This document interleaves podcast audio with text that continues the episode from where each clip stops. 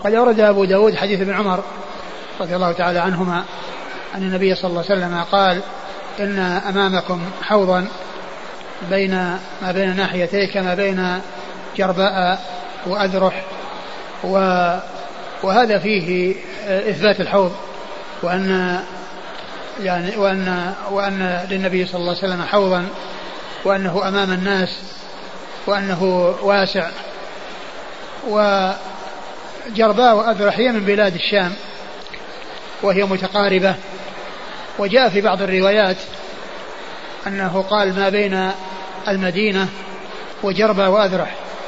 يعني فتكون المسافة على هذا ما بين المدينة وجربة وأذرح أي أن هذه بداية وهذه غاية.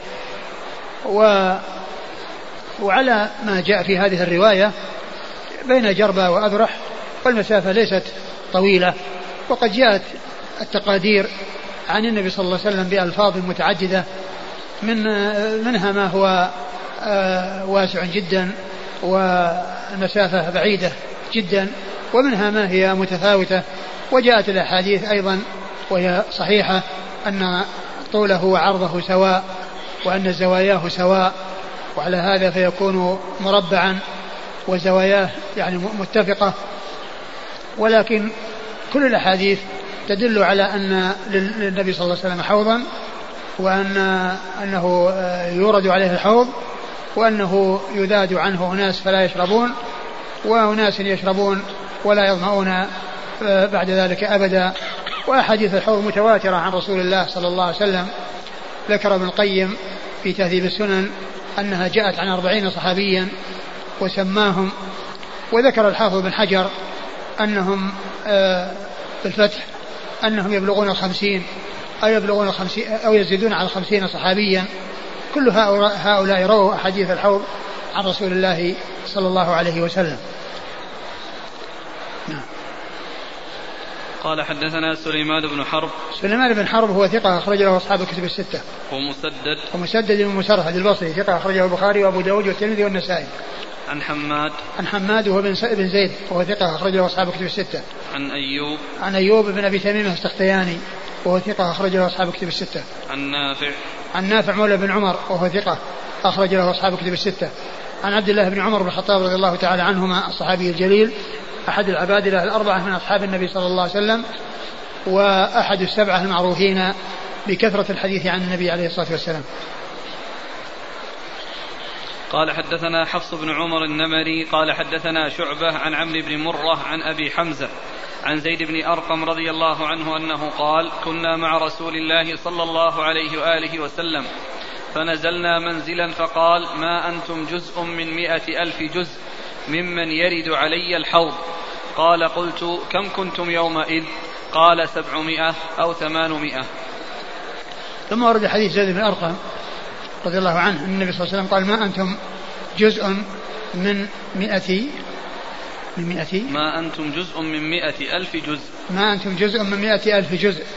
ممن يرد ممن علي نعم. ممن يرد عليه الحوض. وهذا يدل على كثرة الواردين على الحوض. و وقد سئل كم كنتم يومئذ؟ قال سبعمائة.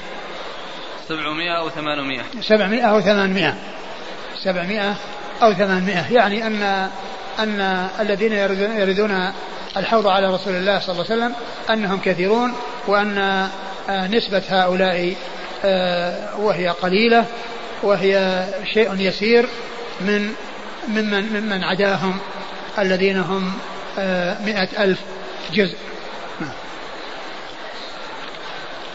قال حدثنا حفص بن عمر النمري حفص بن عمر النمري ثقة أخرج له البخاري وأبو داود والنسائي عن شعبة عن شعبة بالحجاج الواسطي ثم البصري وهو ثقة أخرج له أصحاب الكتب الستة. عن عمرو بن مرة. عن عمرو بن مرة وهو ثقة أخرجه أصحاب الكتب الستة. عن أبي حمزة.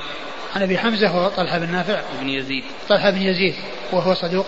قال وثقه النسائي. وثقه النسائي. أخرجه البخاري وأصحاب السنن. وثقه النسائي أخرجه. البخاري وأصحاب السنن. البخاري وأصحاب السنن. عن زيد بن أرقم. عن زيد بن أرقم رضي الله عنه صاحب رسول الله عليه الصلاة والسلام وحديثه أخرجه أصحاب الكتب الستة. قال حدثنا هناد بن السري قال حدثنا محمد بن فضيل عن المختار بن فلفل قال سمعت أنس بن مالك رضي الله عنه يقول أغفى رسول الله صلى الله عليه وآله وسلم إغفاءه فرفع رأسه متبسما فإما قال لهم وإما قالوا له يا رسول الله لم ضحكت؟ فقال إنه أنزلت علي انفا سورة فقرأ بسم الله الرحمن الرحيم إنا أعطيناك الكوثر حتى ختمها. فلما قرأها قال هل تدرون ما الكوثر؟ قالوا الله ورسوله أعلم. قال فإنه نهر وعدنيه ربي عز وجل في الجنة وعليه خير كثير عليه حوض ترد عليه أمتي يوم القيامة آنيته عدد الكواكب. آنيته عدد الكواكب. آنيته أما عدد الكواكب أو تبلغ عدد الكواكب. إيش انتهى؟ نعم. ثم أورد أبو داود حديث أنس بن مالك رضي الله عنه أن النبي صلى الله عليه وسلم أغفى إغفاءه يعني نام نوما يسيرا وثم قام متبسما والمقصود ذلك أنه كان يوحى إليه. أنه يوحى إليه. وقام متبسما فإما قالوا له وإما قال لهم وإما قالوا له إما بدأهم وإما بدأوه إما بدأهم بدأوه بالسؤال أو بدأهم بالإخبار عن الذي قد حصل له. فذكر يعني على على أنهم بدأوه فقالوا ما الذي أضحك يا رسول أضحكك يا رسول الله؟ ما الذي أضحكك يا رسول الله؟ يعني هذا التبسم ما هو سببه؟ ولماذا حصل؟ وأرادوا أن يعرفوا آه، آه، آه، السبب الذي حصل من أجل ذلك. وهم يعلمون أن مثل هذه الحالة أنه يوحى إليه وأنه صلى الله عليه وسلم إنما قال ذلك وإنما فعل ذلك متبسم من أمر قد حصل.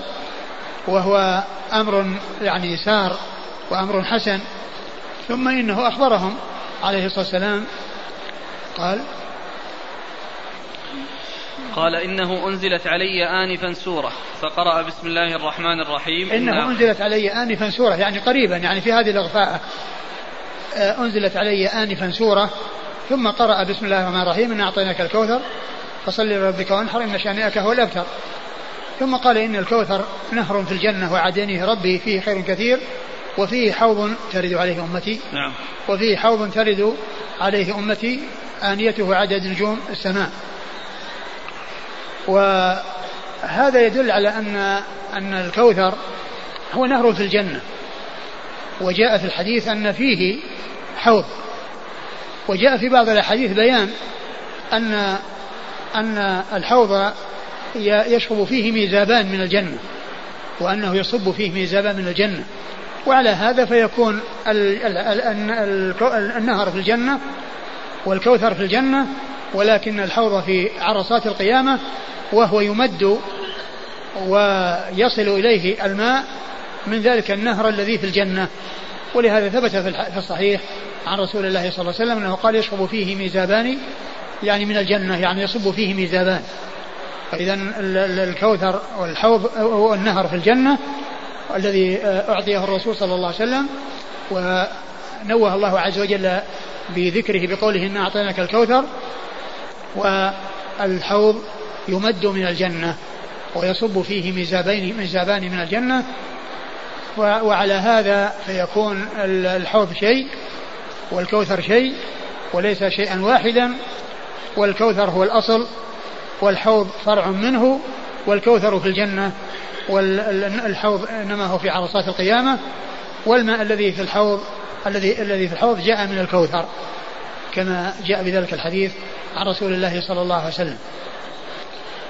قالوا وهذا الحديث فيه دليل على أن بسم الله الرحمن الرحيم أنها من السورة.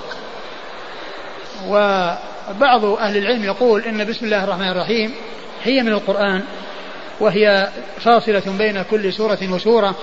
ما عدا سورة الأنفال والتوبة فإنه ليس بينهما بسم الله الرحمن الرحيم كما هي في غيرهما.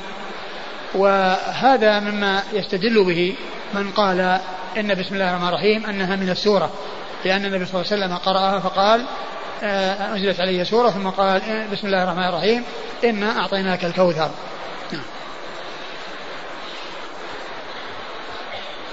قال حدثنا هناد بن السري هناد بن السري أبو السري وهو ثقة أخرج له أصحاب أخرجه البخاري آه، في خلق أفعال العباد ومسلم وأصحاب السنن.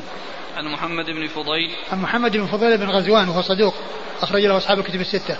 عن المختار بن فلفل. عن المختار بن فلفل وهو صدوق له أوهام أخرج له مسلم وأبو داود والترمذي والنسائي. صدوق له أوهام أخرجه مسلم وأبو داود والترمذي والنسائي. عن أنس بن مالك. عن أنس بن مالك رضي الله عنه خادم رسول الله عليه الصلاة والسلام وأحد السبعة المعروفين بكثرة الحديث عن النبي عليه الصلاة والسلام.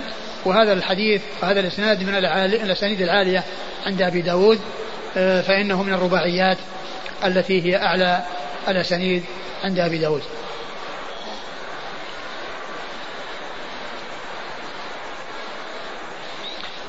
قوله هنا ترد عليه أمتي أي الأمم؟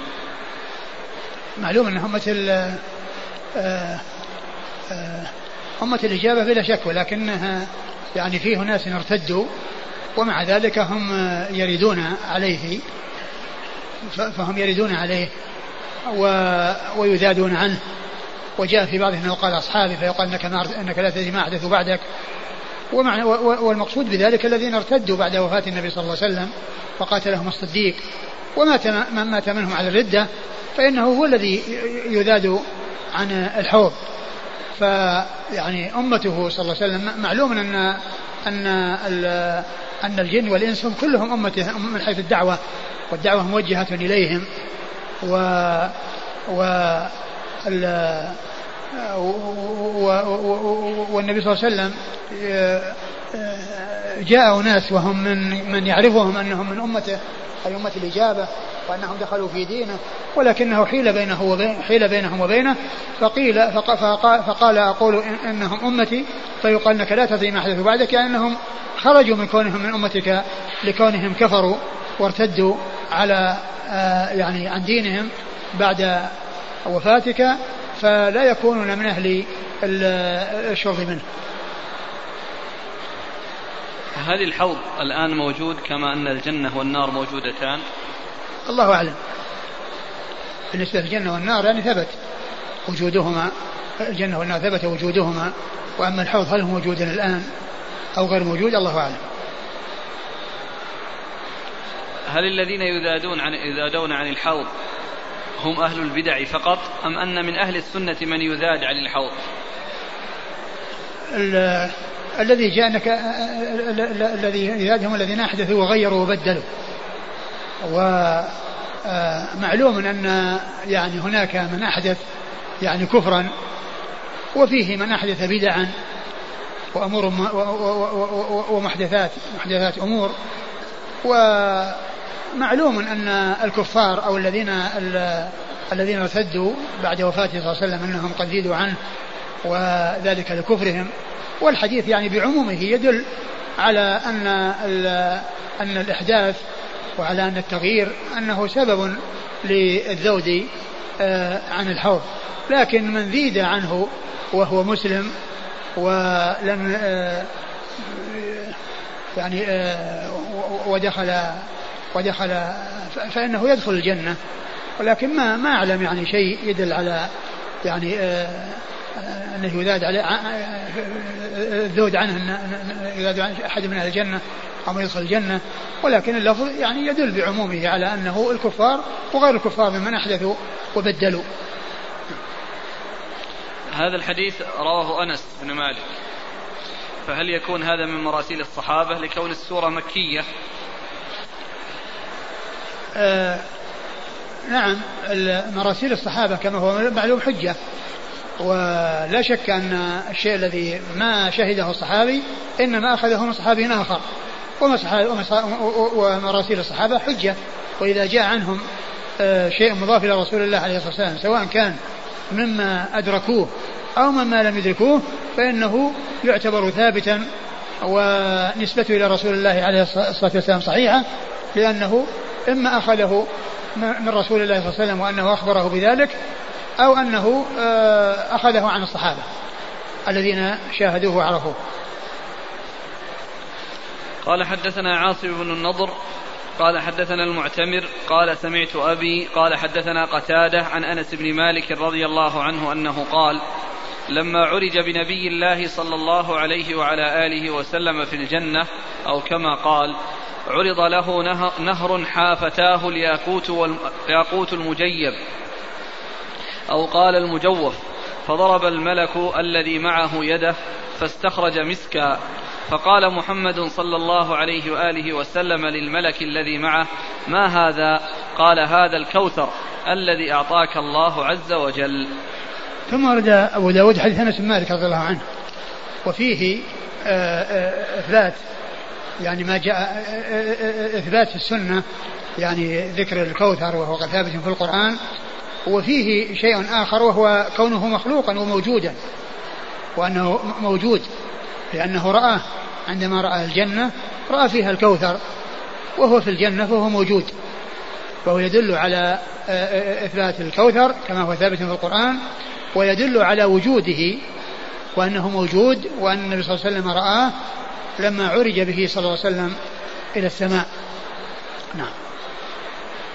لما عرج بنبي الله وأتى به هنا في بحث الحوض لعل آه، من أجل التلازم الذي بين الحوض وبين الكوثر وأن الذي آه، الماء الذي في الحوض يكون من الكوثر.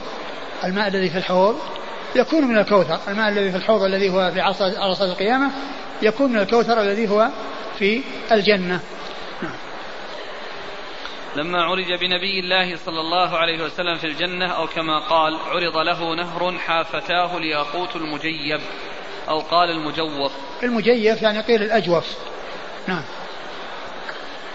فضرب الملك الذي معه يده فاستخرج مسكا. يعني من من من أرض هذا النهر فاستخرج مسكا. نعم.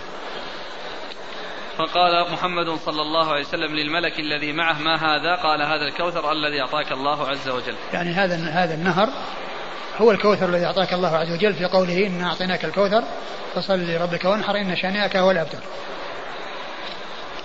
قال حدثنا عاصم بن النضر. عاصم بن النضر هو صدوق خرجه مسلم وداود النسائي صدوق خرجه مسلم وأبو داود النسائي عن المعتمر. عن المعتمر بن سليمان بن طرخان التيمي وهو ثقة أخرجه أصحاب الكتب الستة. عن أبيه عن أبيه سليمان بن طرخان وهو ثقة أخرجه أصحاب الكتب الستة. عن قتادة عن قتادة بن عامر السدوسي البصري ثقة أخرجه أصحاب الكتب الستة. عن أنس عن أنس رضي الله عنه وقد مر ذكره. قال حدثنا مسلم بن إبراهيم قال حدثنا عبد السلام بن أبي حازم أبو طالوت قال شهدت أبا برزة رضي الله عنه دخل على عبيد الله بن زياد فحدثني فلان سماه مسلم وكان في السماط فلما رآه عبيد الله قال إن محمديك محمديكم هذا الدحداح. ففهمها الشيخ فقال ما كنت أحسب أني أبقى في قوم يعيروني بصحبة محمد صلى الله عليه وآله وسلم. فقال له عبيد الله إن صحبة محمد صلى الله عليه وآله وسلم لك زين غير شين. ثم قال إنما بعثت إليك لأسألك عن الحوض. سمعت رسول الله صلى الله عليه وآله وسلم يذكر فيه شيئا فقال له أبو برزة نعم لا مرة ولا ثنتين ولا ثلاثا ولا أربعا ولا خمسا فمن كذب به فلا سقاه الله منه ثم خرج مغضبا. ثم أرد أبو داود حديث أبو برزة الأسلمي رضي الله عنه صاحب رسول الله صلى الله عليه وسلم وقد جاء إلى عبيد الله بن زياد أمير الكوفة و وكان طلب أو أحد من, أصحاب النبي صلى الله عليه وسلم ليسأله عن الحوض وحديث الحوض فجاء إليه أبو برزة وكان قد طلبه أن يأتي من أجل هذا الغرض. فقال إن محمديكم يعني نسبة إلى محمد صلى الله عليه وسلم أي أنه صحابي لأنه طلب واحد من الصحابة. فجاء أبو برزة وقال إن محمديتكم محمديتكم هذا الدحداح. أي أن محمديكم هو هو هذا الدحداح يعني الذي آه، جاء آه، من أصحاب النبي صلى الله عليه وسلم وكان طلب آه، مجيء أحد يحدثه عن الحوض. فقال ففهمها رضي الله عنه وقال ما كنت أظن أن أني أبقى إلى أن إلى زمن يعيرني قوم بصحبة لرسول الله صلى الله عليه وسلم. وهذا أخذه من قول إن محمديكم. فقال عبيد الله إن صحبة الرسول صلى الله عليه وسلم زين وليست بشيء يعني أنها آه، هي خير وليس فيها شر ولا ذم وإنما هي خير. يعني أراد أن يعتذر وأن يبين أن أن ما ذكره من الصحبة والتعيير بها الذي فهم فهمه من قول عبيد الله أن قال إن هذا إن صحبتك إن صحبة النبي صلى الله عليه وسلم زين وليست بشيء. ثم قال إنما طلبت يعني مجيئك لتخبرني عن الحوض هل سمعت فيه شيء عن رسول الله صلى الله عليه وسلم؟ فقال نعم لا مرة ولا مرتين ولا ثلاثة ولا أربعة ولا خمسة يعني مرات كثيرة سمعته من الرسول صلى الله عليه وسلم يعني يثبته ويحدث فيه وأن يحدث به وأن هناك حوضا آه، ترده أمته ثم إنه قال بعد أن ذكر أنه آه، سمع عن الرسول صلى الله عليه وسلم كثيرا ومرات عديدة آه، إثبات الحوض ووجوده. ثم قال بعد ذلك أبو بردة فلا سقى الله من كذب به فمن كذب به فلا سقاه الله منه. فمن كذب به يعني بذلك الحوض فلا سقاه الله منه. ثم خرج مغضبا رضي الله تعالى عنه وأرضاه. والحديث في إسناده رجل مجهول وهو الذي آه، يحدث عن أبي برزة. وكان أبو طالوت كان قد شهدته ولكنه شهده دخل ولكنه ما يعرف يعني شيئا عن الذي جرى. ولكن حدثه محدث وأخبره مخبر يعني حضر ذلك المجلس بالذي جرى والذي حصل. ولكن الحديث يعني ثابت عن رسول الله صلى الله عليه وسلم فيما يتعلق بثبوت الحوض. وأنه آه، آه، جاءت فيه الأحاديث.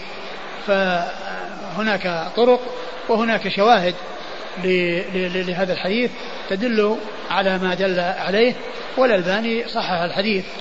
ومعلوم أن فيه هذا المجهول أو هذا المبهم ولكنه من أجل الطرق الأخرى والشواهد الأخرى التي هي في معناه.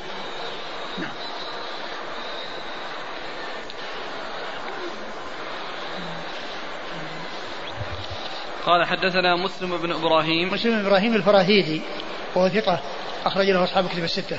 عن عبد السلام بن أبي حازم أبو طالوت. عبد السلام بن أبي حازم أبو طالوت وهو ثقة أخرج له أبو داود. ثقة أخرج له أبو داود. قال حدثني فلان سماه مسلم.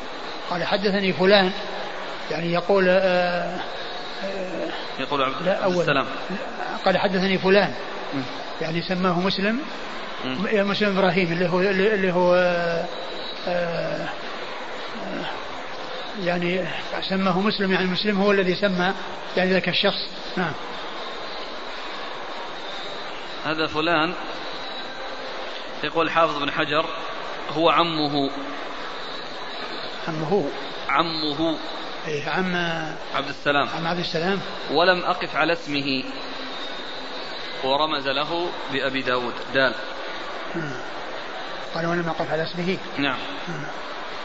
في في المبانات؟ نعم. عن أبي برزة. عن أبي برزة آه قال شهدت. نضلة بن عبيد. في أوله إيه؟ شهدت أبا برزة دخل على عبيد الله بن زياد فحدثني فلان نعم فحدثني سماه. مسلم. نعم. أبو برزة الأسلمي نضلة بن عبيد صحابي أخرجه أصحاب كتب الستة. انتهى. إي نعم. انتهى الباب. إيه؟ والله تعالى أعلم وصلى الله وسلم وبارك على عبده ورسوله نبينا محمد وعلى آله وأصحابه أجمعين. وقد أتيت بكتاب شرح القيروانية لنقرأ فيه ما كتبته في الحوض. لكن أحسن الله إليك هذا الحديث الأخير. آه، أولا أنه كثر السؤال أن بعض العلماء وخاصة الصديق حسن خان في الحطة قال إنه أن أبا داود عنده ثلاثي واستدل بهذا الحديث. فكثرة الأسئلة على أن هذا إسناد ثلاثي. أصلا الحديث ما لو كان حدث يعني عن عن أبي عن أبي برزة بالذي حصل يصير ثلاثي. لكنه الآن هو أخبر بالشهود. وهو طبعا أدرك الصحابي ولكنه ما روى عنه. ما في رواية عنه وإنما رآه دخل على عبيد الله بن زياد. والذي حدثه رجل آخر. والذي حدثه رجل آخر يعني فيما جرى بينه وبين ومعنى ذلك أنه رباعي يصير. لأن هذا المبهم هو هو الثالث. لأنها مسلم إبراهيم ثم أبو ثم أبو حمزة أبو طالوت ثم بعد ذلك هذا المبهم. نعم. وهذا المبهم يحكي ما جرى يعني بين أبي برزة وهو الذي يخبر عن حديث أبي برزة فيكون رباعي. فيكون رباعي وليس بثلاثي لأنه لو كان لو كان أبو طالوت روى هذا عن عن أبي برزة صار ثلاثي. لو روى هذا عن أبي برزة صار ثلاثيا لكنه ما روى عن أبي برزة رواه عن شخص آخر. وهذا الشخص الآخر يحكي ما جرى بين أبي برزة وبين عبيد الله بن زياد فيكون رباعي. هنا قال وكان في السماط السماط المجلس. السماط في المجلس أو الصف. قد سبق أن مر بنا قريبا ذكر السماط في حديث أقول مرة قريبا حديث في هذا المعنى في ذكر السماط. قام رجل من, من, من طرف السماط وكذا. نعم. قال إن محمديكم هذا الدحداح. إيش مراد؟ يعني كان الدحداح قيل إنه هو السمين القصير. نعم. يعني يعرض بالنبي صلى الله عليه وسلم؟ لا. يقصد هذا اللي هو اللي هو أبو برزه يعني محمديكم محمديكم نسبة أبو برزة إلى محمد صلى الله عليه وسلم. أي. إيه هذا الدحر هو هذا الدحداح طيب وهذا الاستهزاء. يقول السائل عبيد من عبيد الله بن زياد ما هو ما يدل أو ما فيه شيء من ردة أو تنقص لا شك أقول هو يعني قضية إن محمديكم يعني المقصود به إنه صحابي. إنه صحابي لأنه طلب مجيء صحابي وقد جاء هذا الرجل وقال إن محمديكم أي منتسب إلى محمد صلى الله عليه وسلم. فإذا كان يعني استهزاء فلا شك أنه أمر أمر أمر خطير. ولكن هو يعني الكلام يتعلق ببرزة وليس بالنبي صلى الله عليه وسلم. ليس فيه تعرض للنبي صلى الله عليه وسلم وإنما هو محمديكم يعني الصحابي الذي هو صاحب محمد صلى الله عليه وسلم. وكان طلب صحابيا يحدثه عن الحوض.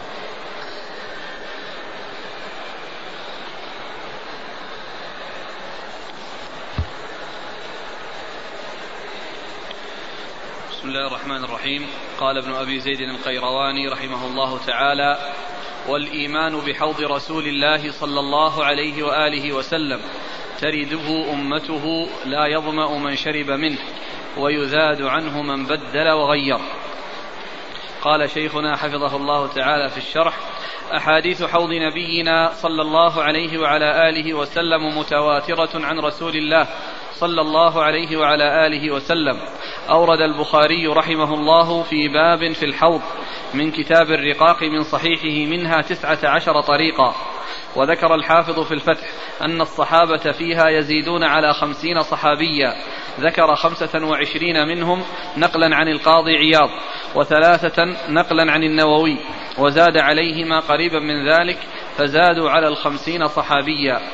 وأورد الإمام ابن كثير في كتاب النهاية أحاديث الحوض عن أكثر من ثلاثين صحابيا ذكرها بأسانيد, بأسانيد الأئمة الذين خرجوها غالبا. ومما جاء في صفة حوض النبي صلى الله عليه وآله وسلم قوله صلى الله عليه وعلى آله وسلم حوضي مسيرة شهر ماؤه أبيض من اللبن وريحه أطيب من المسك وكيزانه كنجوم السماء من شرب منها فلا يظمأ أبدا رواه البخاري من حديث عبد الله بن عمرو رضي الله شرب منها يعني من الكيزان نعم. رواه البخاري من حديث عبد الله بن عمرو رضي الله عنهما ورواه مسلم في صحيحه ولفظه حوضي مسيرة شهر وزواياه سواء مربع. زواياه سواء.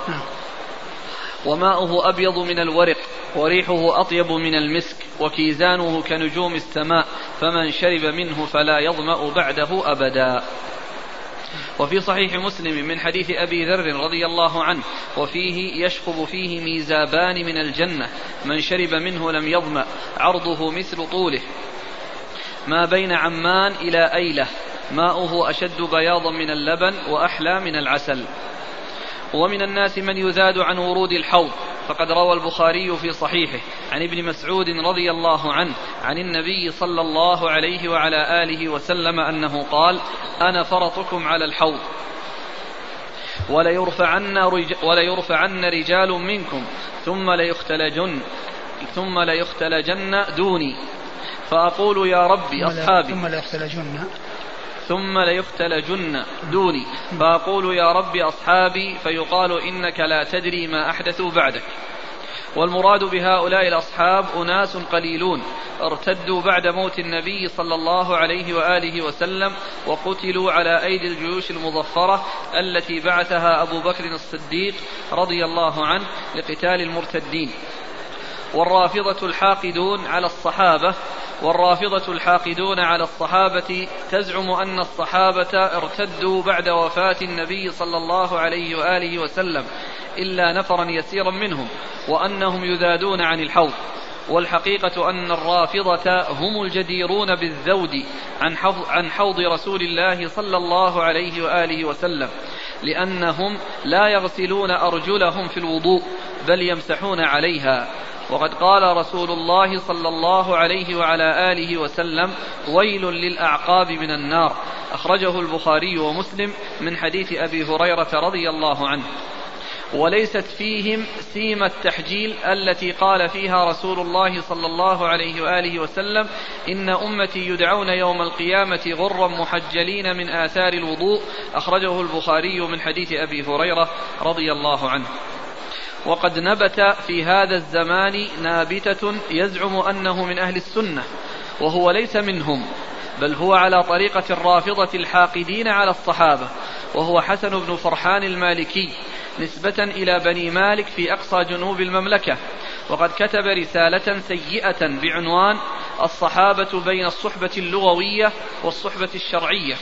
زعم فيها أن الصحابة هم المهاجرون والأنصار قبل الحديبية فقط وأن كل من أسلم وهاجر بعد الحديبية أنه ليس له نصيب في الصحبة الشرعية وأن صحبتهم كصحبة المنافقين والكفار. فأخرج بذلك الكثيرين من أصحاب رسول الله صلى الله عليه وعلى آله وسلم وفي مقدمتهم العباس بن عبد المطلب عم رسول الله صلى الله عليه وآله وسلم وابنه عبد الله بن عباس حبر الأمة وترجمان القرآن. رضي الله تعالى عنه وعن أبيه وعن الصحابة أجمعين. كما أخرج أبا موسى الأشعري وأبا هريرة وخالد بن الوليد وغيرهم ممن لا يحصون. وهو قول محدث في القرن الخامس عشر لم يسبقه إليه إلا شاب حديث السن مثله اسمه عبد الرحمن بن محمد الحكمي. وممن جاء في ومما جاء في كتابه السيء إنكار القول بعدالة الصحابة وزعمه أن أكثر الصحابة يذادون, يذادون عن عن حوض الرسول صلى الله عليه وسلم وأنه يؤمر بهم إلى النار. وأنه لا ينجو منهم إلا القليل مثل همل النعم. وبهذا يتبين وبهذا يتبين مماثلته للرافضة الحاقدين على الصحابة. وقد رددت عليه في كتاب بعنوان الانتصار للصحابة الأخيار في رد أباطيل في رد أباطيل حسن المالكي. ومما جاء في الكتاب مما يتعلق بالذود عن الحوض ما يلي. السابع أي من وجوه الرد عليه في إنكاره عدالة الصحابة قوله صلى قوله ومن الأحاديث. ومن الأحاديث في الذم العام قول النبي صلى الله عليه وآله وسلم في أحاديث الحوض في ذهاب أفواج من أصحابه إلى النار فيقول النبي صلى الله عليه وآله وسلم أصحابي أصحابي فيقال لا تدري ما أحدثوا بعدك. الحديث متفق عليه. وفي بعض ألفاظه في البخاري فلا أرى ينجو منكم إلا مثل همل النعم. فيأتي المعارض للثناء العام بهذا الذم العام. ويقول كيف تجعلون للصحابة ميزة؟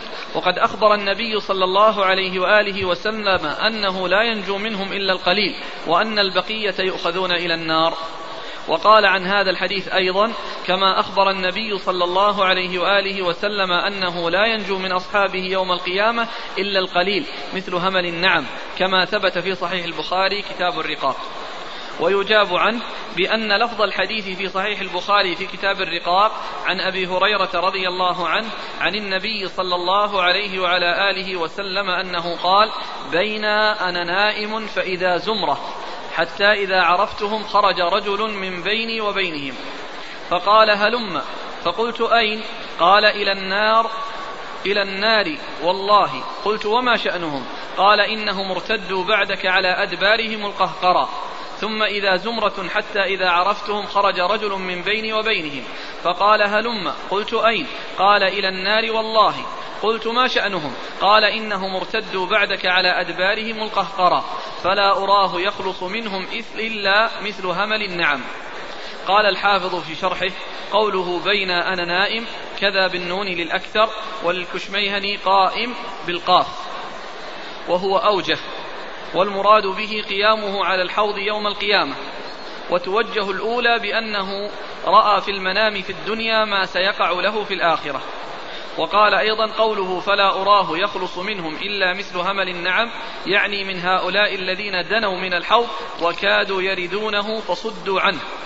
وقال أيضا والمعنى أنه لا يرده منهم إلا القليل لأن الهمل في الإبل قليل بالنسبة لغيره. واللفظ الذي ورد في الحديث فلا أراه يخ فلا أراه يخلص منهم إلا مثل همل النعم أي من الزمرتين المذكورتين في الحديث وهو لا يدل على أن الذين عرضوا عليه هاتان الزمرتان فقط. والمالكي أورد لفظ الحديث على لفظ خاطئ لم يرد في الحديث وبناء عليه حكم على الصحابة حكما عاما خاطئا. فقال فيه وفي بعض ألفاظه في البخاري فلا أرى ينجو منكم إلا مثل همل النعم فجاء بلفظ منكم على الخطاب بدل منهم وبناء عليه قال كيف تجعلون للصحابة ميزة؟ وقد أخبر النبي صلى الله عليه وآله وسلم أنه لا ينجو منهم إلا القليل وأن البقية يؤخذون إلى النار. الحديث ورد فيه منهم يعني من الزمرتين وهم بعض من عرض عليه صلى الله عليه وسلم على الحوض. ولا ينجو من هاتين الزمرتين إلا القليل مثل همل النعم. وهو يعني آه، كذب على الرسول صلى الله عليه وسلم وغير منهم إلى منكم خطاب للصحابة. فلا أرى ينجو منكم بدل منهم أي من الزمرتين. وبناء عليه قال أن الصحابة يعني يؤمر بهم إلى النار ويذادون عن الحوض ولا ينجو منهم إلا مثل همل النعم. ثم إن الصحابة على زعمه الباطل هم الذين قبل الحديبية. وأما ما عداهم فليسوا صحابة ولا, ولا يدخلون في الصحبة الشرعية وعلى هذا فيكون المهاجرون الأنصار الذين قبل الحديبية لا ينجو منهم إلا مثل همل النعم والبقية يؤمر بهم إلى النار. وهذا مطابق لقول الذين قالوا أن الصحابة ارتدوا بعد وفاة النبي صلى الله عليه وسلم ولم ينجو منه ولم ينجو منهم من الردة إلا القليل يعني نفر يسير جدا. فهو فهو كلامه أولا في كذب على الرسول صلى الله عليه وسلم ثم بناء, بناء على هذا الكذب الكذب حكم حكما عاما على الصحابة رضي الله عنهم وأنهم يذادون عن الحوض وأنه لا ينجو منهم إلا القليل مثل همل النعم. وهمل النعم يعني الناقة أو الناقتين اللي تكون يعني انفردت عن عن عن النعم فتكون يعني قليلة جدا بالنسبة إلى آه، النعم التي آه، انفردت منها. نعم.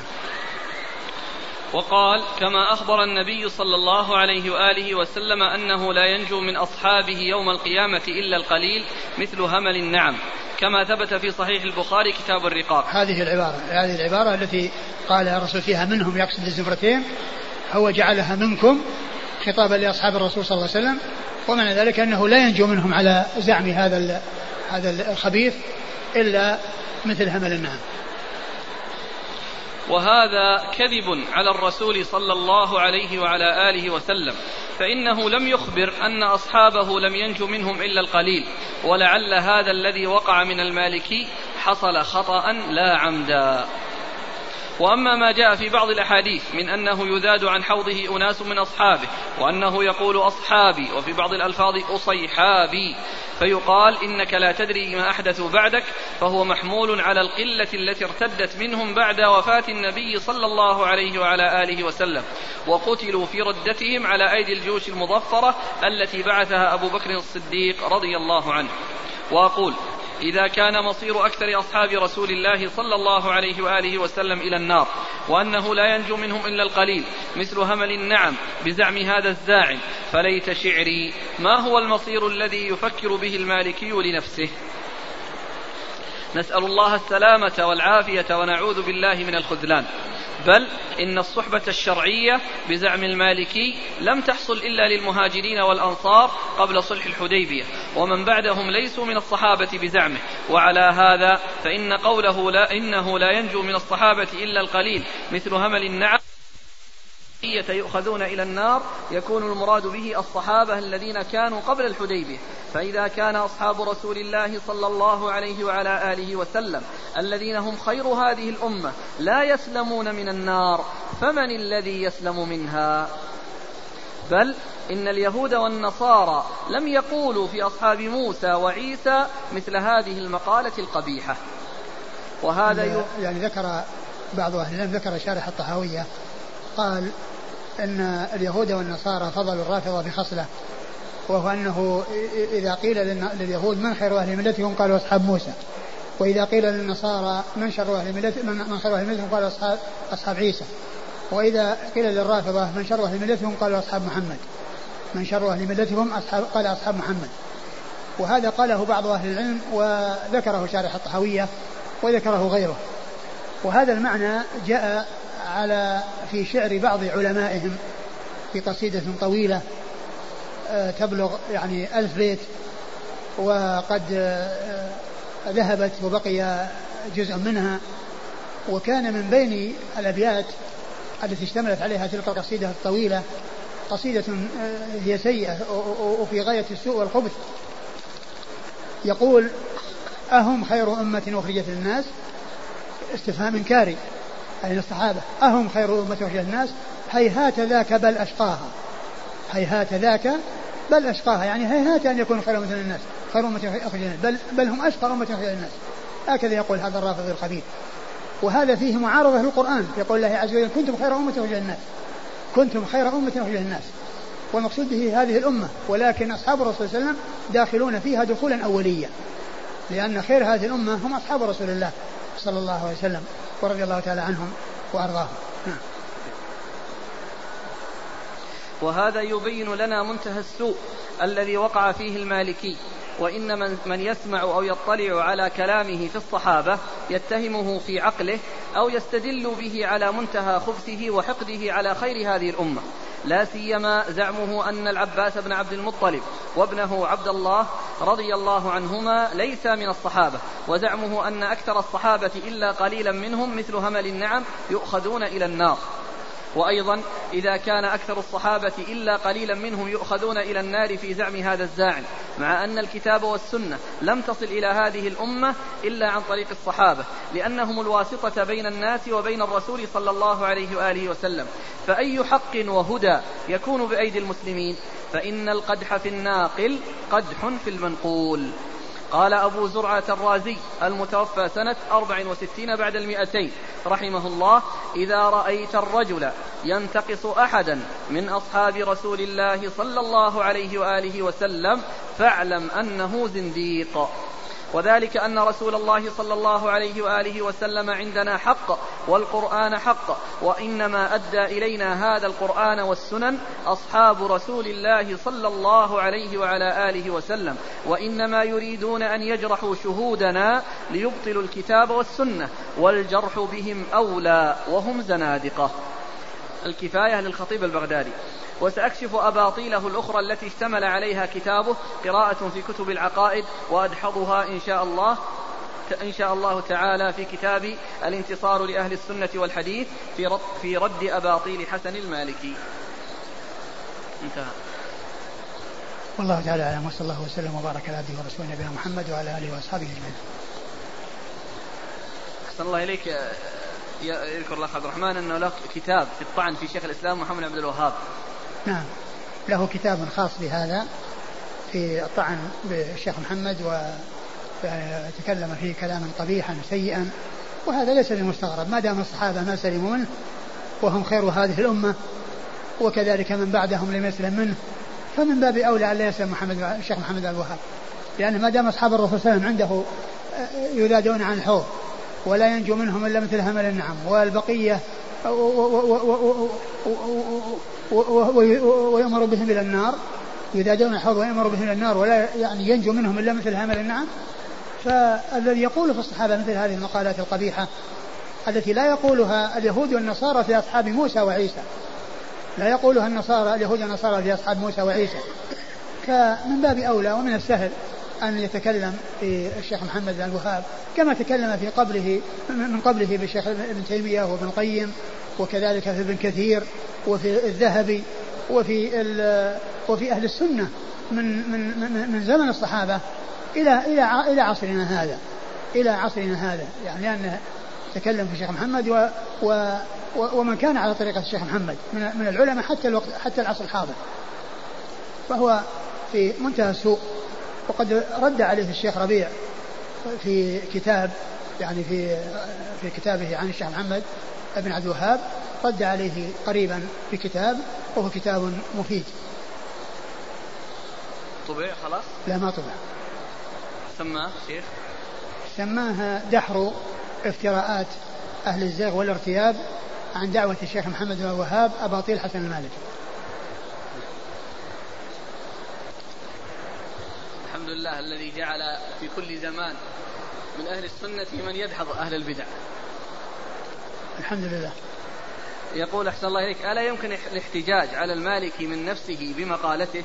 فإنه احتج بحديث عند البخاري بزعمه وهو من رواية أبي هريرة مع أن أبا هريرة رضي الله عنه ليس بصحابي عنده وهو غير عدل. على كل هو, هو أقول الإنسان المبطل يعني يأتي بالشيء الذي يريد. والشيء الذي لا يريده لا يأتي به. وهو أتى بشيء كذب فيه. لأنه حصل منه كذب فيه. لأنه لا يوجد البخاري. اللفظ الذي قاله وبنى عليه هذه هذا الحكم الخبيث الجائر لا يوجد في البخاري وإنما هو الحقد والخبث الذي يكون في النفوس.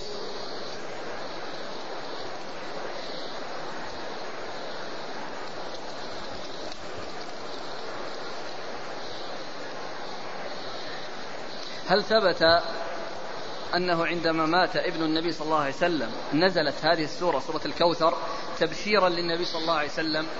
لا أدري. كيف الرافضة يقولون إن الصحابة لا يريدون الكوثر وهم أصلا لا يؤمنون بالكوثر بل يقولون إن الكوثر في القرآن هي فاطمة؟ ما أدري هل, هل, هل, هل قالوا هذا لكن في مقالات قبيحة يقولونها يعني في آه، أمور أخرى. أما هذا الموضع بالذات ما أدري يعني عن حقيقة قولهم كونهم قالوا هذا أو ما قالوا هذا. وعندهم تحريف للقرآن يعني في تفسيره في أمور لا يدل عليها لا من حيث اللغة ولا من حيث المعنى أيضا.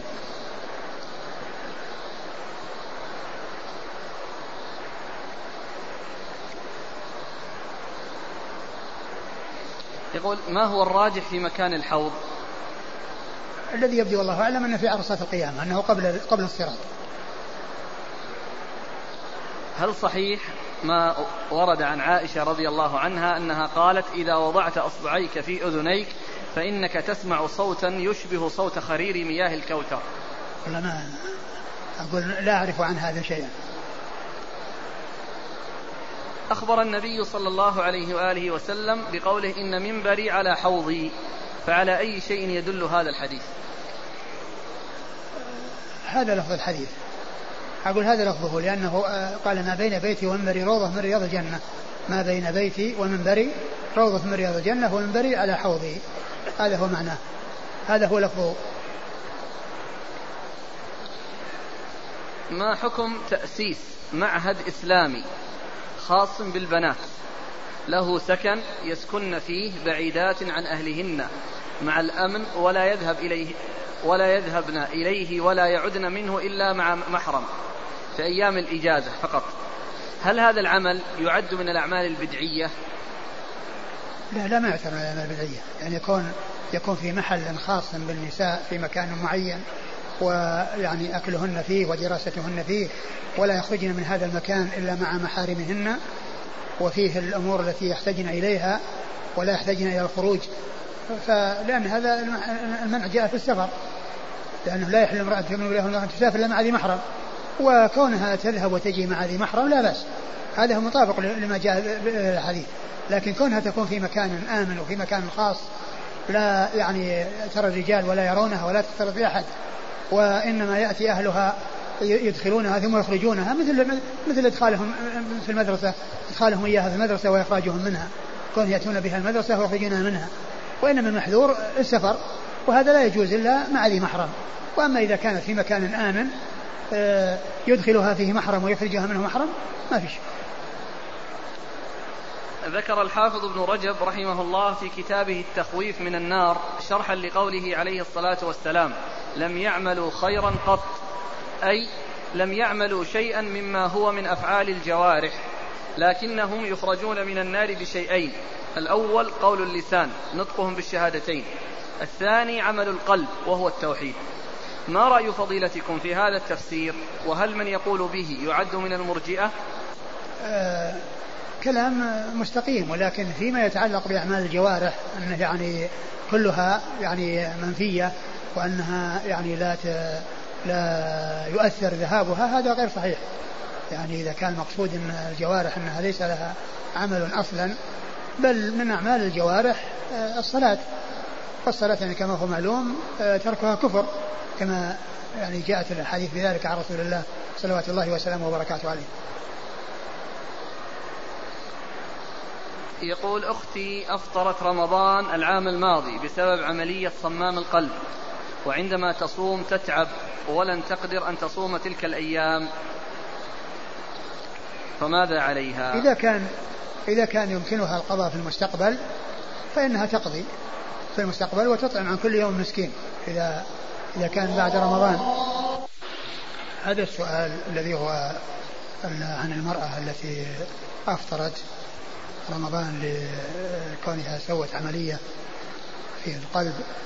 إذا كان هذا الذي حصل لها أنه مرض يرجى برؤه فإنها تصوم إذا زال المرض وتطعم عن كل يوم مسكينا إذا كان جاء رمضان وهي لم تقضي. وإذا كان هذا مرض دائم لا يرجى برؤه فإنها تطعم عن كل يوم مسكينا ويكفي. آخر يقول ما حكم لبس الدبلة للرجال والنساء سواء كانت مكتوب عليها أم لا لم يكتب عليها شيء.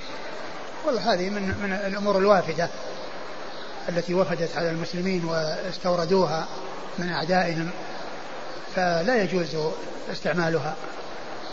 يعني من أجل الزواج إذا إذا إذا حصل الخطبة أو هذا كل واحد يضع في إصبعه خاتم يسمونه الدبلة هذا من الأمور المحدثة المنكرة التي يقلد فيها المسلمون أعداءهم. يقلدون فيما يضر ولا يقلدون فيما ينفع. يقول اليوم ألقى علينا أحد, الأساتذة محاضرة بالنسبة إلى آراء الناس في أبي بكر رضي الله عنه وعمر رضي الله عنه. فقال الأستاذ أثناء محاضرته كان أبو بكر رضي الله عنه لينا جدا في الإمارة وأيضا ضعيفا بالنسبة لعمر رضي الله عنه. وإيش؟ وأيضا ضعيفا بالنسبة لعمر رضي الله عنه. يقول السائل فهل هذا يعتبر تنقص في الصحابة أم لا؟ وهل يترتب عليه إهانة لأبي بكر؟ وقال أيضا سبب الوقوع الحادثات أو الحوادث أكثر ما حدث في زمن عمر رضي الله عنه. أولا أصحاب الرسول صلى الله عليه وسلم يجب أن تكون الألسنة نظيفة والقلوب نظيفة ليس فيها شيء من ال ال الأذى والقدر وإنما تكون سليمة نظيفة كما قال شيخ الإسلام ابن تيمية في العقيدة الوسطية ومن أصول أهل السنة والجماعة سلامة قلوبهم وألسنتهم لأصحاب رسول الله صلى الله عليه وسلم. فكل شيء فيه آه يعني آه احتمال أو ظن أو إيهام أنه آه، غير سائغ فإن البعد عنه مطلوب. وكون أبي بكر رضي الله عنه لينا هذا لا شك هو لين أقول فيه لين ولكنه في بعض أو في موقف من المواقف صار أشد من عمر وأعظم من عمر وذلك في مسألة المرتدين وقتال المرتدين. فإنه وقف وقفة شجاعة حتى أن عمر جاء وراجعه. يعني في ذلك وقال لا أقاتلن من فرق بين الصلاة والزكاة. ثم قال عمر فما فما ف ف فما رأيت شرح الله صدره بذكر الجهاد فعرفت أنه الحق. يعني معناه أن عمر يعني رأى أن هذا الذي وقف أبو بكر شجاع فهو مع كونه عنده لين وعمر عنده شدة وهذا شيء معروف. وكل منهما محمود في هذا محمود في جدته وهذا محمود في لينه. ولا يقال إن هذا مذموم وهذا مذموم. ولكن أبا بكر رضي الله عنه حصل يعني منه وقفة يعني عمر رضي الله عنه صار دونه فيها. بل هو الذي راجعه فيها وأبو بكر وقف وقفة صامدة شجاعا في ذلك وعزم على قتال المرتدين. والذين كذلك منعوا الزكاة وقالوا إنهم لا يدفعون الزكاة وإنما تدفع للرسول صلى الله عليه وسلم. فالتعبير بأنه ضعيف يعني امام عمر ما ما ما, ما يصلح. وإذا كان الإنسان أراد له التنقص لا شك أنه يعني آه، كلام قبيح كلام سيء. والذي ينبغي هو آه، آه، تنظيف الألسنة والقلوب من أن يكون فيها شيء وأن يكون يحصل منها شيء لا يليق في حق أصحاب الرسول صلى الله عليه وسلم. أما بالنسبة لعمر رضي الله عنه خلافته طالت وتبلغ مقدار خلافة أبي بكر خمس مرات لأن أبو بكر خلافته سنتين وأشهر وعمر رضي الله عنه عشر سنوات وأشهر. وحصل فيها خير كثير وحصل فيها فتوحات عظيمة وقضي على الدولتين العظميين في ذلك الزمان دولة الفرس ودولة الروم. وقضية الحوادث وأن الحوادث حصلت أكثر ما أدري شو المقصود بهذه الحوادث. يعني إذا كان المقصود بذلك حوادث طيبة وأمور آه، حصلت في خير. فلا شك أن أن مدة زمان خلافته وطولها حصل بها خير كثير. ولهذا الرؤيا التي رآها النبي صلى الله عليه وسلم في النزع من القليب يعني أبو بكر يعني نزع ذنوبا أو ذنوبين وعمر استحالت غربا فلم أرى عبقريا يفري فرية وحتى ضرب الناس بعطن. يعني معنى ذلك أن اتسعت رقعة البلاد الإسلامية ودخل الناس في دين الله وقضي على الدولة العظميين في ذلك الزمان. الحاصل أن كل شيء يعني لا ينبغي في حق الصحابة لا يسأل الإنسان ولا يجوز الإنسان أن يتلفظ فيه. حتى إذا كان موهما أو محتملا فالإنسان يأتي بالكلام الواضح الجلي الذي فيه الثناء وفيه المدح للجميع ولا يأتي بشيء فيه احتمال آه النيل من الجميع أو أن أنه أنه ما أراد ذلك ولكن آه هو أخطأ وفي التعبير. وأما إن كان أراد سوءا فهذا والعياذ بالله آه لكل امرئ ما نوى. نعم. هذا صور لنا من تاريخ الطبري الجزء الثاني خطبة, خطبة رسول الله صلى الله عليه وسلم في أول جمعة جمعها بالمدينة. ويريد أن تنظروا في السند. يقول ابن جرير حدثني يونس بن عبد الأعلى قال أخبرنا ابن وهب قال حدثني سعيد بن عبد الرحمن الجمحي أنه بلغه عن خطبة رسول الله صلى الله عليه وآله وسلم في أول جمعة صلاها بالمدينة في بني سالم بن عوف. الحمد لله أحمده وأستعينه وأستغفره. ها؟ هل انتهى الإسناد؟ في شيء وراه يأتي ولا؟ لا خلاص خلاص. هذا يقول قوله بلغني عن خطبة صلى الله عليه وسلم. هذا أقول هذا أقول هذا بين أن فيه مسافة شاسعة يعني بين سعيد وبين آه، زمن الرسول صلى الله عليه وسلم. سعيد بن عبد الرحمن؟ الجمحي. شوف التقريب؟ من ولد عامر بن حديم لا أبو عبد الايه ما يقرا من التقريب أنا. تقريب نعم هذا هو إيش فيه؟ من ولد عامر بن حديم أبو عبد الله المدني قاضي بغداد صدوق له أوهام وأفرط ابن حبان في تضعيفه. من الثامنة مات سنة ست وسبعين له اثنتان وسبعون أخرجه له البخاري في خلق أفعال العباد ومسلم وأبو داود والنسائي من الثامنة يعني في مسافة بعيدة يعني طبقات 12 يعني من من من الصحابة إلى إلى إلى نهاية القرن الثالث الهجري وما بعده بقليل. 12 طبقة وهذه يعتبر الطبقة الثامنة. يعني معناه طبقة صغار التابعين هي الطبقة الخامسة. صغار التابعين هي الطبقة الخامسة. فهذه بعد طبقة صغار التابعين بثلاث طبقات. يعني معناه في مسافة بينه وبين رسول الله صلى الله عليه وسلم. فهو كما هو معلوم فيه انقطاع. انقطاع طويل معضل. جزاكم الله خيرا وبارك الله فيكم ونفعنا الله ما قلت. بسم الله الرحمن الرحيم.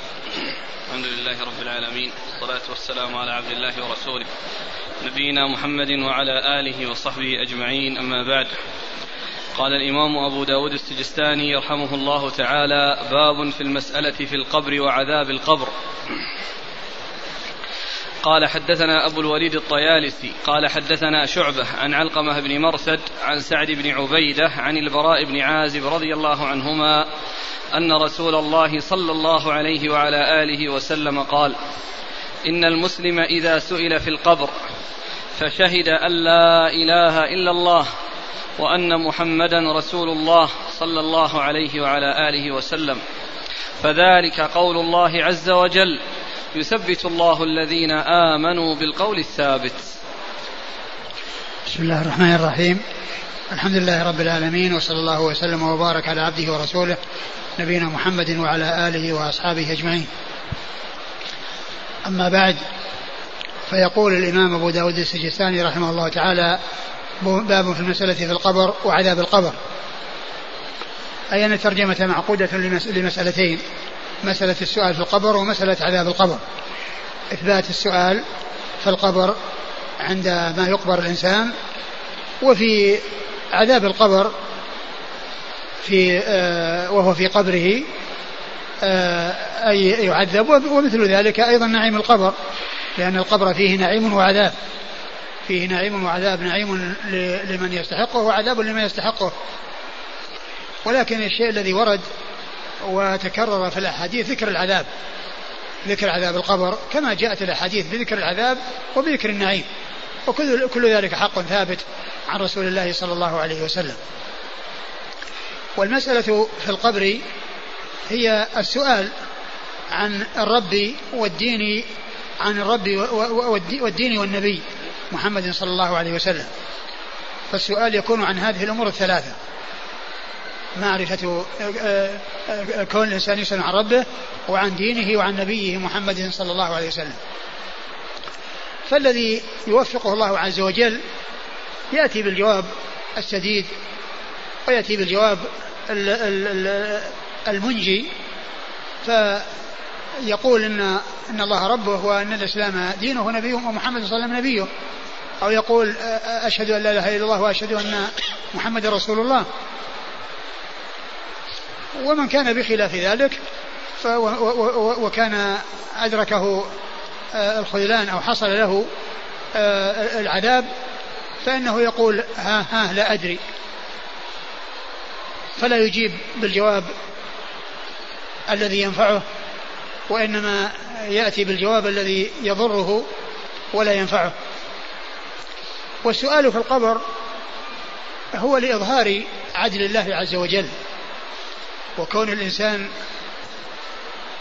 ينعم بإحسانه وبإيمانه ويعذب بمعصيته وبعدم إيمانه يعني يحصل له العذاب ويكون النعيم لوجود أسبابه والعذاب لوجود أسبابه وليس ذلك ليعلم الله يعني شيئا غير معلوم له بل هو عالم بكل شيء قد علم أزلا كل شيء سبحانه وتعالى.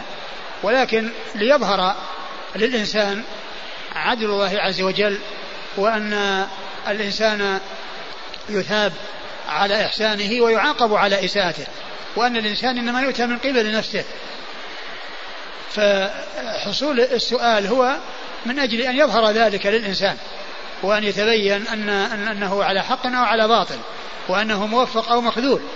وليس ليعلم الله شيئا ما كان يعلمه بل هو عالم بكل شيء.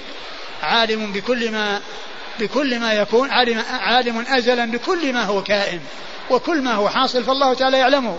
ولا يخفى عليه خافية في الأرض ولا في السماء سبحانه وتعالى. وإنما السؤال هو من أجل الإنسان وأن يظهر. مثل مسألة الميزان وزن الأعمال. فإن ذلك يرجع إلى إظهار عدل الله عز وجل.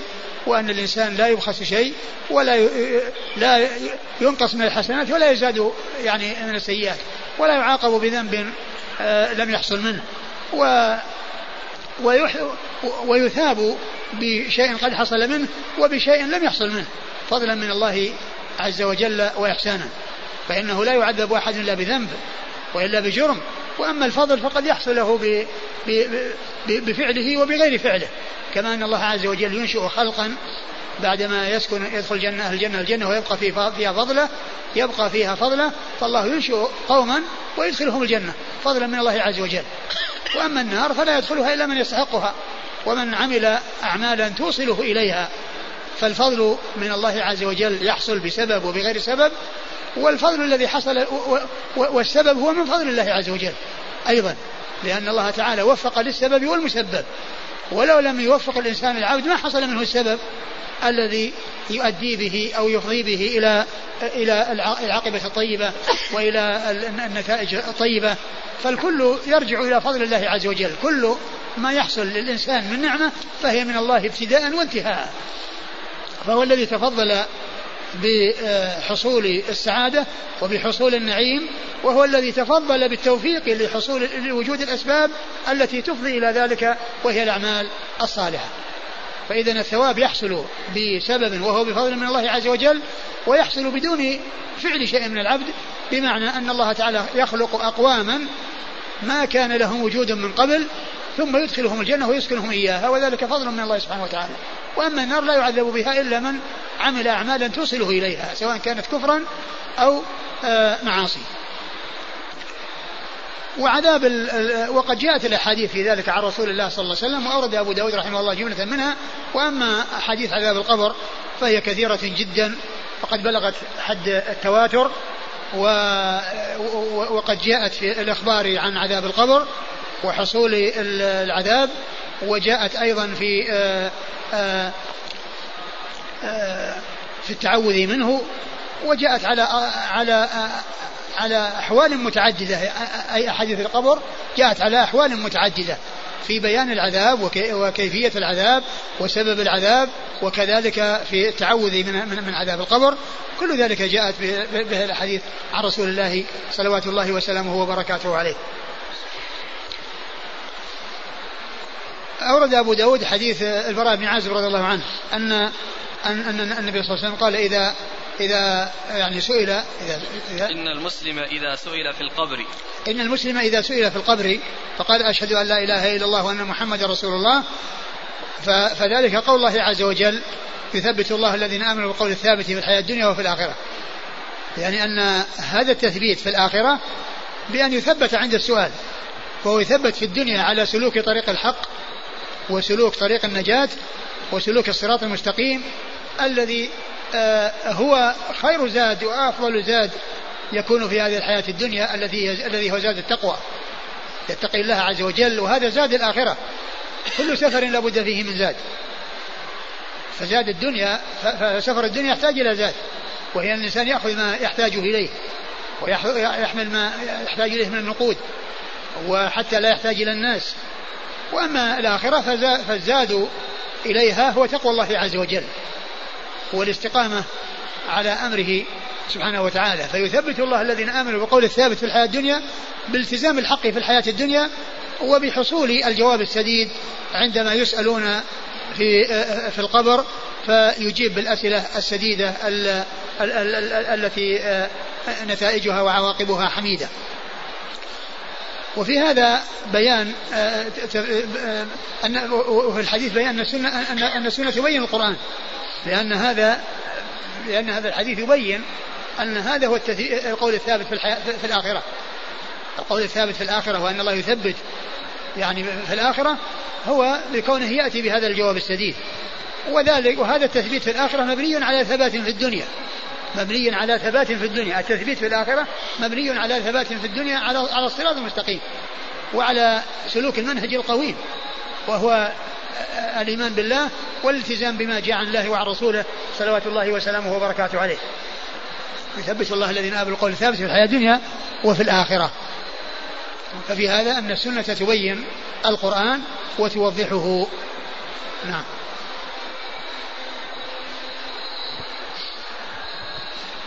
قال حدثنا أبو الوليد الطيالسي. أبو الوليد الطيالسي هو هشام بن عبد الملك. الطيالسي وهو ثقة أخرجه أصحاب كتب الستة. عن شعبة. عن شعبة من الحجاج الواسطي وهو ثقة أخرج له أصحاب الكتب الستة. عن علقمة بن مرثد. عن علقمة بن مرثد وهو ثقة أخرجه أصحاب الكتب الستة. عن سعد بن عبيدة. عن سعد بن عبيدة وهو ثقة أخرجه أصحاب الكتب الستة. عن البراء بن عازب. عن البراء بن عازب رضي الله عنه رضي, رضي الله تعالى عنه هو صحابي أخرج له أصحاب الكتب الستة. هل السؤال في هل السؤال في القبر خاص بهذه الأمة؟ الأحاديث وردت بأنه يسأل عن هذا الرجل والمراد به النبي صلى الله عليه وسلم. والمراد به النبي صلى الله عليه وسلم. وأن وأنه يعني يسأل. ولكن معنى قول الله عز وجل ثبت الله الذين بالقول الثابت في الحياة الدنيا وفي الآخرة يعني يدل على أن على أن على أن السؤال يحصل وأن أن الناس في قبورهم يسألون ويفتنون. وهذه فتنة القبر وهي ليست خاصة بأمة محمد صلى الله عليه وسلم. ومعلوم أن هذه الأمة هي التي تسأل عن نبيها محمد عليه الصلاة والسلام وهي الذي رسالته عامة إلى الثقلين. لكن الآية وعمومها يعني يدل على أن أن التثبيت يحصل في الدنيا وفي الآخرة. ومعلوم أن ذلك لمن حصل منه الإيمان سواء كان من هذه الأمة أو من غيرها. يكون السؤال؟ نعم. السؤال. السؤال السؤال يكون لهذه الأمة وغيرها نعم. طيب إذا سئل عن النبي من نبيك يعني يجيب ما ندري عن قضية كيف يعني هل يسألون عن أنبيائهم أو لا يسألون لكن كونه يسأل عن, عن, عن ربه وعن دينه وأنه يثبت الله الذين بالقول الثابت في الحياة الدنيا وفي الآخرة فالذي يبدو أن هذا شامل لهذه الأمة ولغيرها. ما حكم من ينكر عذاب القبر؟ معلوم أن إنكار عذاب القبر يعني إنكار لشيء معلوم بالأحاديث الكثيرة المتواترة عن رسول الله صلوات الله وسلامه وبركاته عليه. فالذي يكون عالما به يخشى عليه أن يكون كافرا لأن هذا مما تواترت به الأحاديث وجاءت به وجاء به القرآن. في قول الله عز وجل النار يرضون عليها غدوا وعشيا. فإن عذاب القبر ثابت في هذه الآية الكريمة في حق آل فرعون. النار يرضون عليها غدوا وعشيا ويوم تقوم الساعة أدخلوا آل فرعون أشد العذاب. فالذي يقول إن, إن الإنسان لا يعذب في قبره لا يعني كافر ولا يعني مؤمن أو يعني عاصي وهو من أهل الإيمان يعني معنى ذلك أنه منكر لما جاء في القرآن. فتقام عليه الحجة ويبين له ما جاء في القرآن وما جاء في السنة وإذا أصر على ذلك فالذي يظهر أنه يكون كافرا لأنه مكذب بما جاء في القرآن ومكذب أيضا بما جاء في السنة المتواترة. قوله صلى الله عليه وسلم هنا في الحديث إن المسلم إذا سئل في القبر هل لهذا مفهوم؟ القبر ليس له مفهوم من ناحية أن أنه لا يسأل إلا من كان مقبورا بل كل يسأل ولكن ذكر القبر لأنه هو الغالب على الناس أنهم يقبرون والحالات الأخرى التي هي غير الدفن في القبور حالات ليست بشيء آه، بالنسبة آه، لمن يدفن يعني كون بعض الناس تأكله السباع أو يغرق في البحر أو أو تأكله الحيتان أو يحترق بالنار ولا يبقى له آه، يعني رفات ويطير في الهواء لا يقال إنه يسلم من عذاب القبر فإن عذاب القبر يصل إلى من يستحقه وإلى من هو أهل له سواء قبر أو لم يقبر. ولكن ذكر القبور آه ذكر القبور إنما هو لبيان الغالب على الناس أنهم يقبرون. وإلا فإن الحكم عام لمن قبر ومن لم يقبر. والله عز وجل على كل شيء قدير يوصل يوصل العذاب إلى من يستحقه. كما أن من يكون في القبر وقد أكلت في الأرض وتلاشى جسمه واضمحل واختلط بالتراب فإنه يصل إليه العذاب. والله على كل شيء قدير لأن أمور البرزخ تختلف عن أمور الدنيا. والإنسان يؤمن بما جاء به الوحي ويؤمن بالغيب وإن لم يدرك الكنه والحقيقة. لا يكون الإنسان لا يؤمن إلا بالمشاهدة والمعاينة ويقول آه، بل عليه الإيمان بالغيب. ولهذا آه، الرسول صلى الله عليه وسلم أخبر يعني بأن ما يجري في القبور من العذاب تسمعه البهائم وقد سمعه الرسول صلى الله عليه وسلم. والجن والإنس أخفى الله عليهم ذلك. ولو ظهر ذلك لهم و يعني أدركوا ما يجري في القبور من الأهوال ما يعني الحكمة في في في تمييز من يؤمن بالغيب ومن لا يؤمن بالغيب ما تكون ظهرت ولكن الله شاء أن يكون الناس منهم من يؤمن بالغيب ومنهم من لا يؤمن إلا بالمشاهدة والمعاينة ولا يؤمن بالغيب. فشاء الله أن تكون أمور الآخرة غيبا وأن يكون ما يجري في الغيبة ما يجري في القبر غيبا حتى يتميز من يكون موفقا ومن يكون مخذولا. ولو حصل للناس ما يجري في الآخرة لما لما صار الناس إلى هذا الانقسام الذي شاءه الله يعني شقي وسعيد. وقد قال النبي صلى الله عليه وسلم لولا أن لا تدافنوا لدعوت الله أن يسمعكم من عذاب القبر ما أسمع. كما ثبت في صحيح مسلم لولا أن لا تدافنوا الناس لو علموا ما يجري في القبور وسمعوا ما يجري في القبور يعني يصيبهم الذعر ويصيبهم الخوف ويمكن أن يموتوا ويحصل لهم الموت ولا يدفن بعضهم بعضا لكثرة من يموت بسبب ذلك. فالله عز وجل شاء أن يخفى هذا على الناس وأن يتميز من يؤمن بالغيب ومن لا يؤمن بالغيب. ولهذا فإن البهائم والحيوانات تسمع لما يجري في القبور من العذاب والجن والإنس لا يسمعون كما سيأتي في بعض الأحاديث. التي فيها يسمعه آه، يعني كل شيء إلا الجن والإنس. يعني إذا إذا عذب في قبره وحصل له ما حصل وصار صياحه وصراخه يسمعه كل شيء إلا الجن والإنس. لأن الجن والإنس مكلفون وقد أخفى الله عليهم ذلك والبهائم غير مكلفة فتسمع. والنبي صلى الله عليه وسلم قد أسمعه الله ذلك وأطلعه. عليه. ولهذا قال في الحديث الصحيح لولا أن لا تدافنوا لدعوت الله أن يسمعكم من عذاب القبر ما أسمع. الحاصل أن العذاب يصل إلى كل من يستحقه قبر أو لم يقبر. ولا يقال كيف يصل إليه وقد تفرقت أجزاؤه في البحر أو في البر. فإن الله على كل شيء قدير وأمور الآخرة تختلف عن أمور الدنيا والواجب التصديق بكل ما جاء به القرآن والسنة من كل غيب وعدم التردد في ذلك ولو ومعلوم أن أيضا من دفن الأرض تأكله وتذهب أجزاؤه. والله يعيد تلك الأجزاء من التراب كما قال الله عز وجل بل عجبوا أن جاءهم منذر فقال الكافرون هذا إذا متنا وكنا ترابا ذلك رجل بعيد قال الله عز وجل قد علمنا ما تنقص الأرض منهم.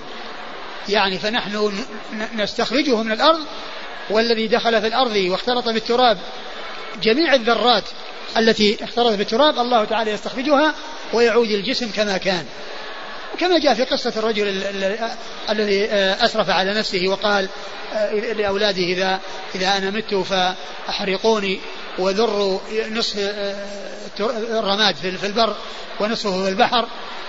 ف أني أخشى إن قدر الله علي أن يعذبني عذابا لا يعذبه أحد من العالمين. ففعلوا. والله عز وجل أمر البحر بأن أخرج ما فيه والبر أخرج ما فيه حتى عادت كل ذرة إلى مكانها وعاد الجسم كما كان. وعاد الجسم كما كان. فإذا حتى الذي في التراب آه هو من جنس الذي يتفرق يعني خارج التراب في البر أو في البحر. ويستخرج الله من الأرض كل ما دخل فيها من أجزائه ويميزه ويرجع كل ذرة أو ترجع كل ذرة إلى إلى مكانها. الحاصل أن ذكر القبور لأن لأن هذا هو الغالب المعتاد للناس أنهم يدفنون الأموات. أنهم يدفنون الأموات وقد حصل ذلك في في أول الخليقة في قصة ابني آدم وأن الميت إنما يدفن في الأرض. وإنما الذي يحصل غير ذلك هي حالات قليلة. بالنسبة لحالات الدفن في الأرض ولكن الحكم واحد.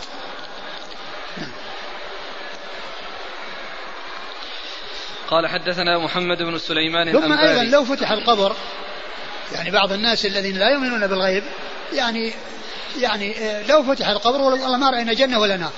الجنة والنار موجودة ولو لم تراها الجنة والنار موجودة ولا لم تراها والله على كل شيء قدير وقد حصل هذا في الدنيا. الجنة أريها رسول الله صلى الله عليه وسلم والنار أريها رسول الله صلى الله عليه وسلم والصحابة وراءه وما رأوها. ما رأوهما. لما كان يصلي بالناس الكسوف. عرض عليه الجنة ورأى العناقيد المتدلية ومد يده والصحابة رأوا اليد الممدودة ولا رأوا الذي مدت إليه. لأنهم ما رأوا الجنة. ولكن رأوا يده صلى الله عليه وسلم.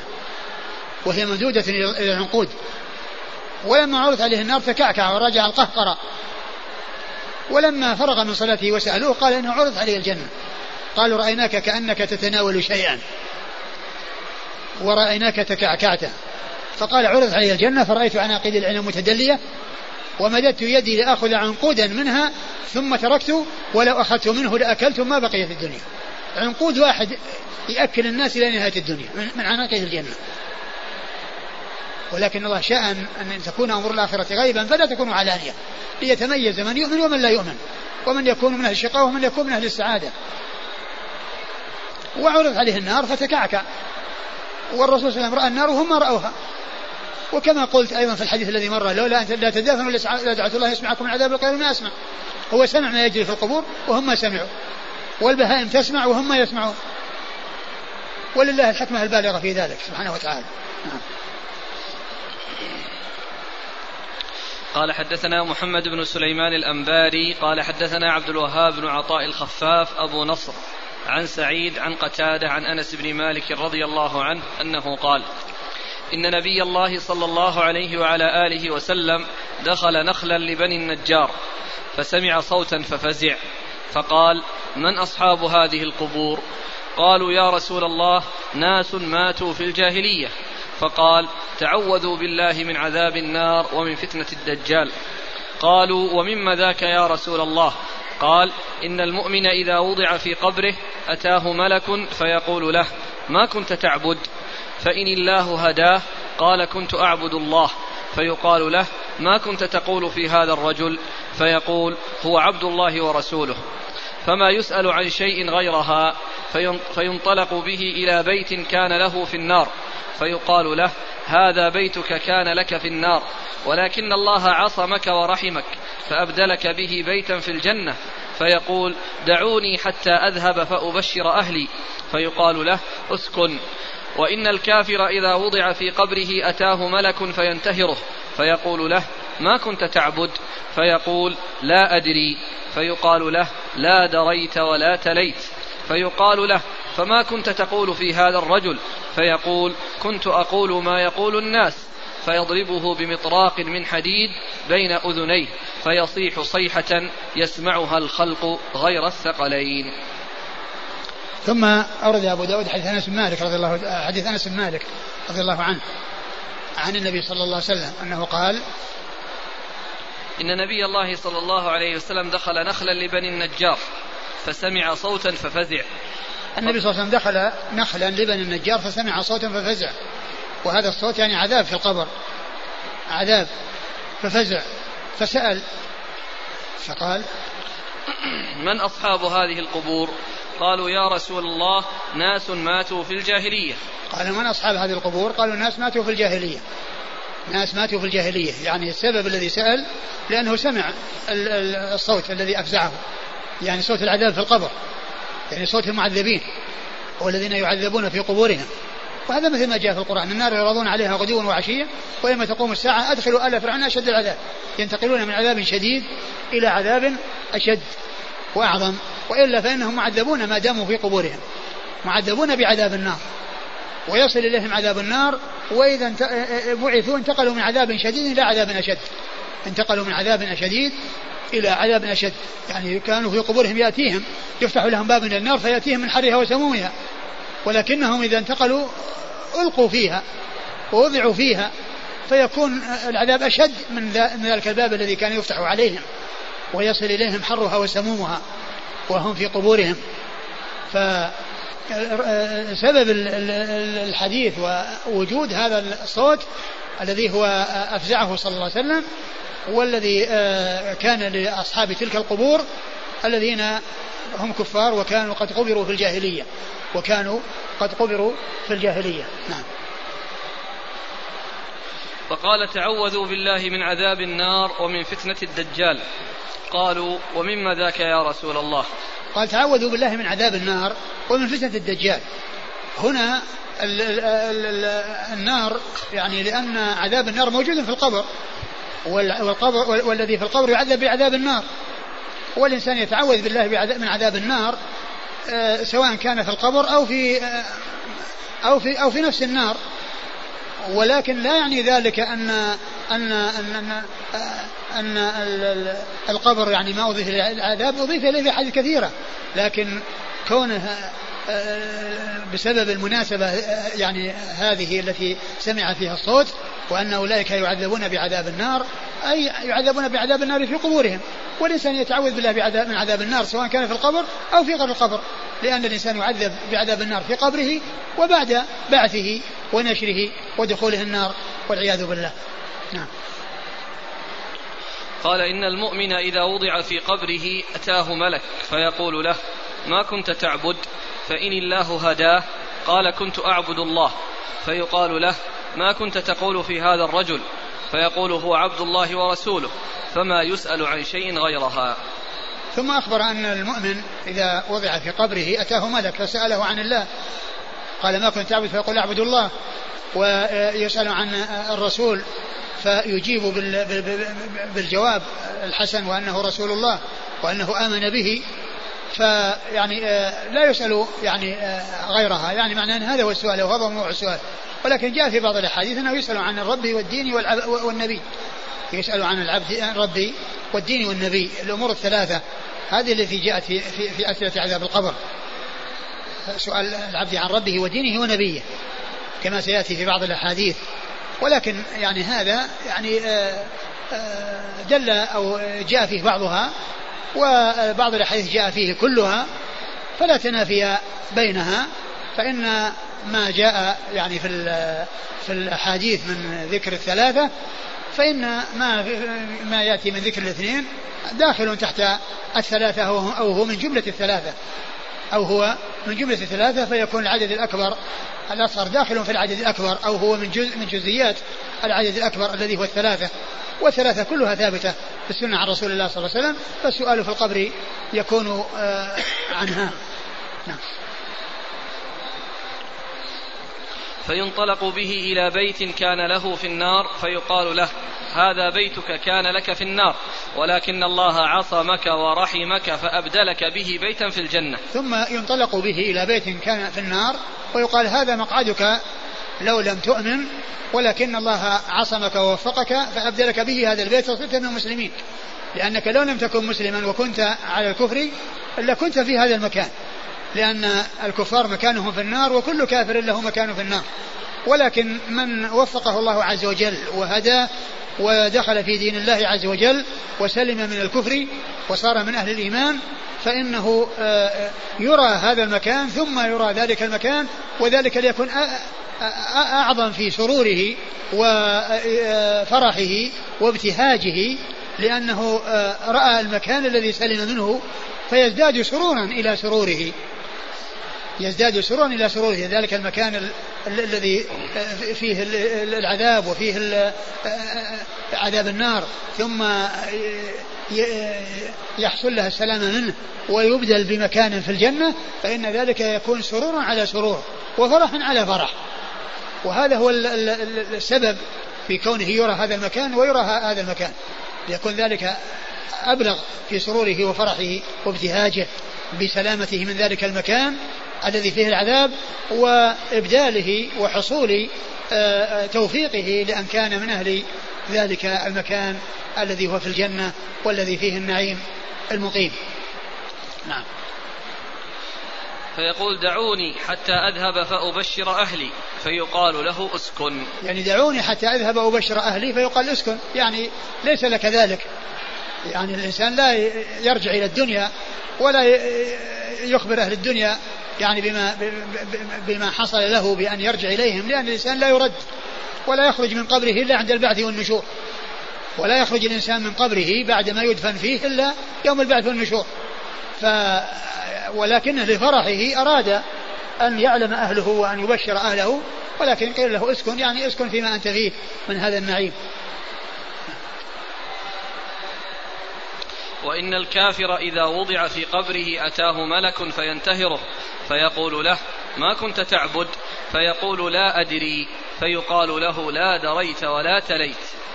ثم الكافر عندما يوضع في قبره يأتيه ملك فينهره ويقول ماذا كنت تعبد؟ فيقول لا أدري. فيقول لا دريت ولا تليت يعني وهذا يعني دعاء عليه. وهو يعني خبر ب يعني خبر بمعنى الدعاء. وهو إخبار عن ما حصل وهو دعاء عليه.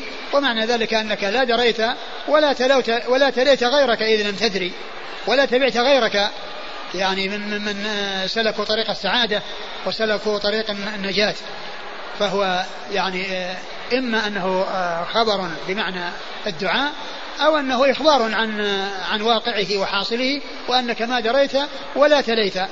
ما دريت يعني بحيث آه، عرفت الحق ومعلوم أنه لا يعذب أحد إلا إلا بإقامة الحجة عليه.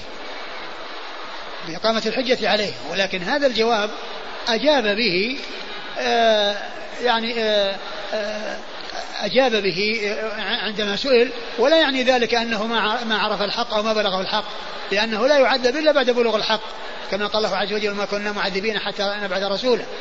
ما كنا معذبين حتى نبعث رسولا فهو لا يعذب إلا بعدما تقوم عليه الحجة وتبلغه الرسالة. وهذا قد بلغته الرسالة ولكنه ما وفق واختار طريق الضلالة وطريق الكفر واستمر على ذلك حتى مات فيقال لا دريت يعني ما حصل منك الدراية التي آه، تنفعك والتي تفيدك ولا تليت غيرك في آه، في الخير بل تبعت غيرك في الشر. نعم.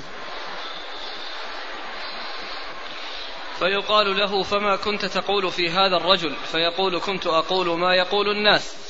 فيضربه بمطراق من حديد بين أذنيه فيصيح صيحة يسمعها الخلق غير الثقلين. ويسأل عن الرجل وهو محمد صلى الله عليه وسلم فماذا كنت تقول في هذا الرجل؟ فيقول آه كنت أقول ما يقول الناس؟ نعم. أقول ما يقول الناس. يعني والمقصود بالناس هنا الذين ما وفقوا. وإلا فإن الذين وفقوا يعني يشهدون بأنه رسول الله ويؤمنون به ويصدقونه ويتبعونه. ولكنه يقول ما يقول الناس الذين الذين خذلوا كما خذل وتبع غيره في الضلالة أو تبع أبويه إذا كان آه، يعني آه، هم الذين كانوا سببا في غوايته وإضلاله كما قال عليه الصلاة والسلام آه، كل مولود يولد على الفطرة فأبواه يهودانه وينصرانه. نعم.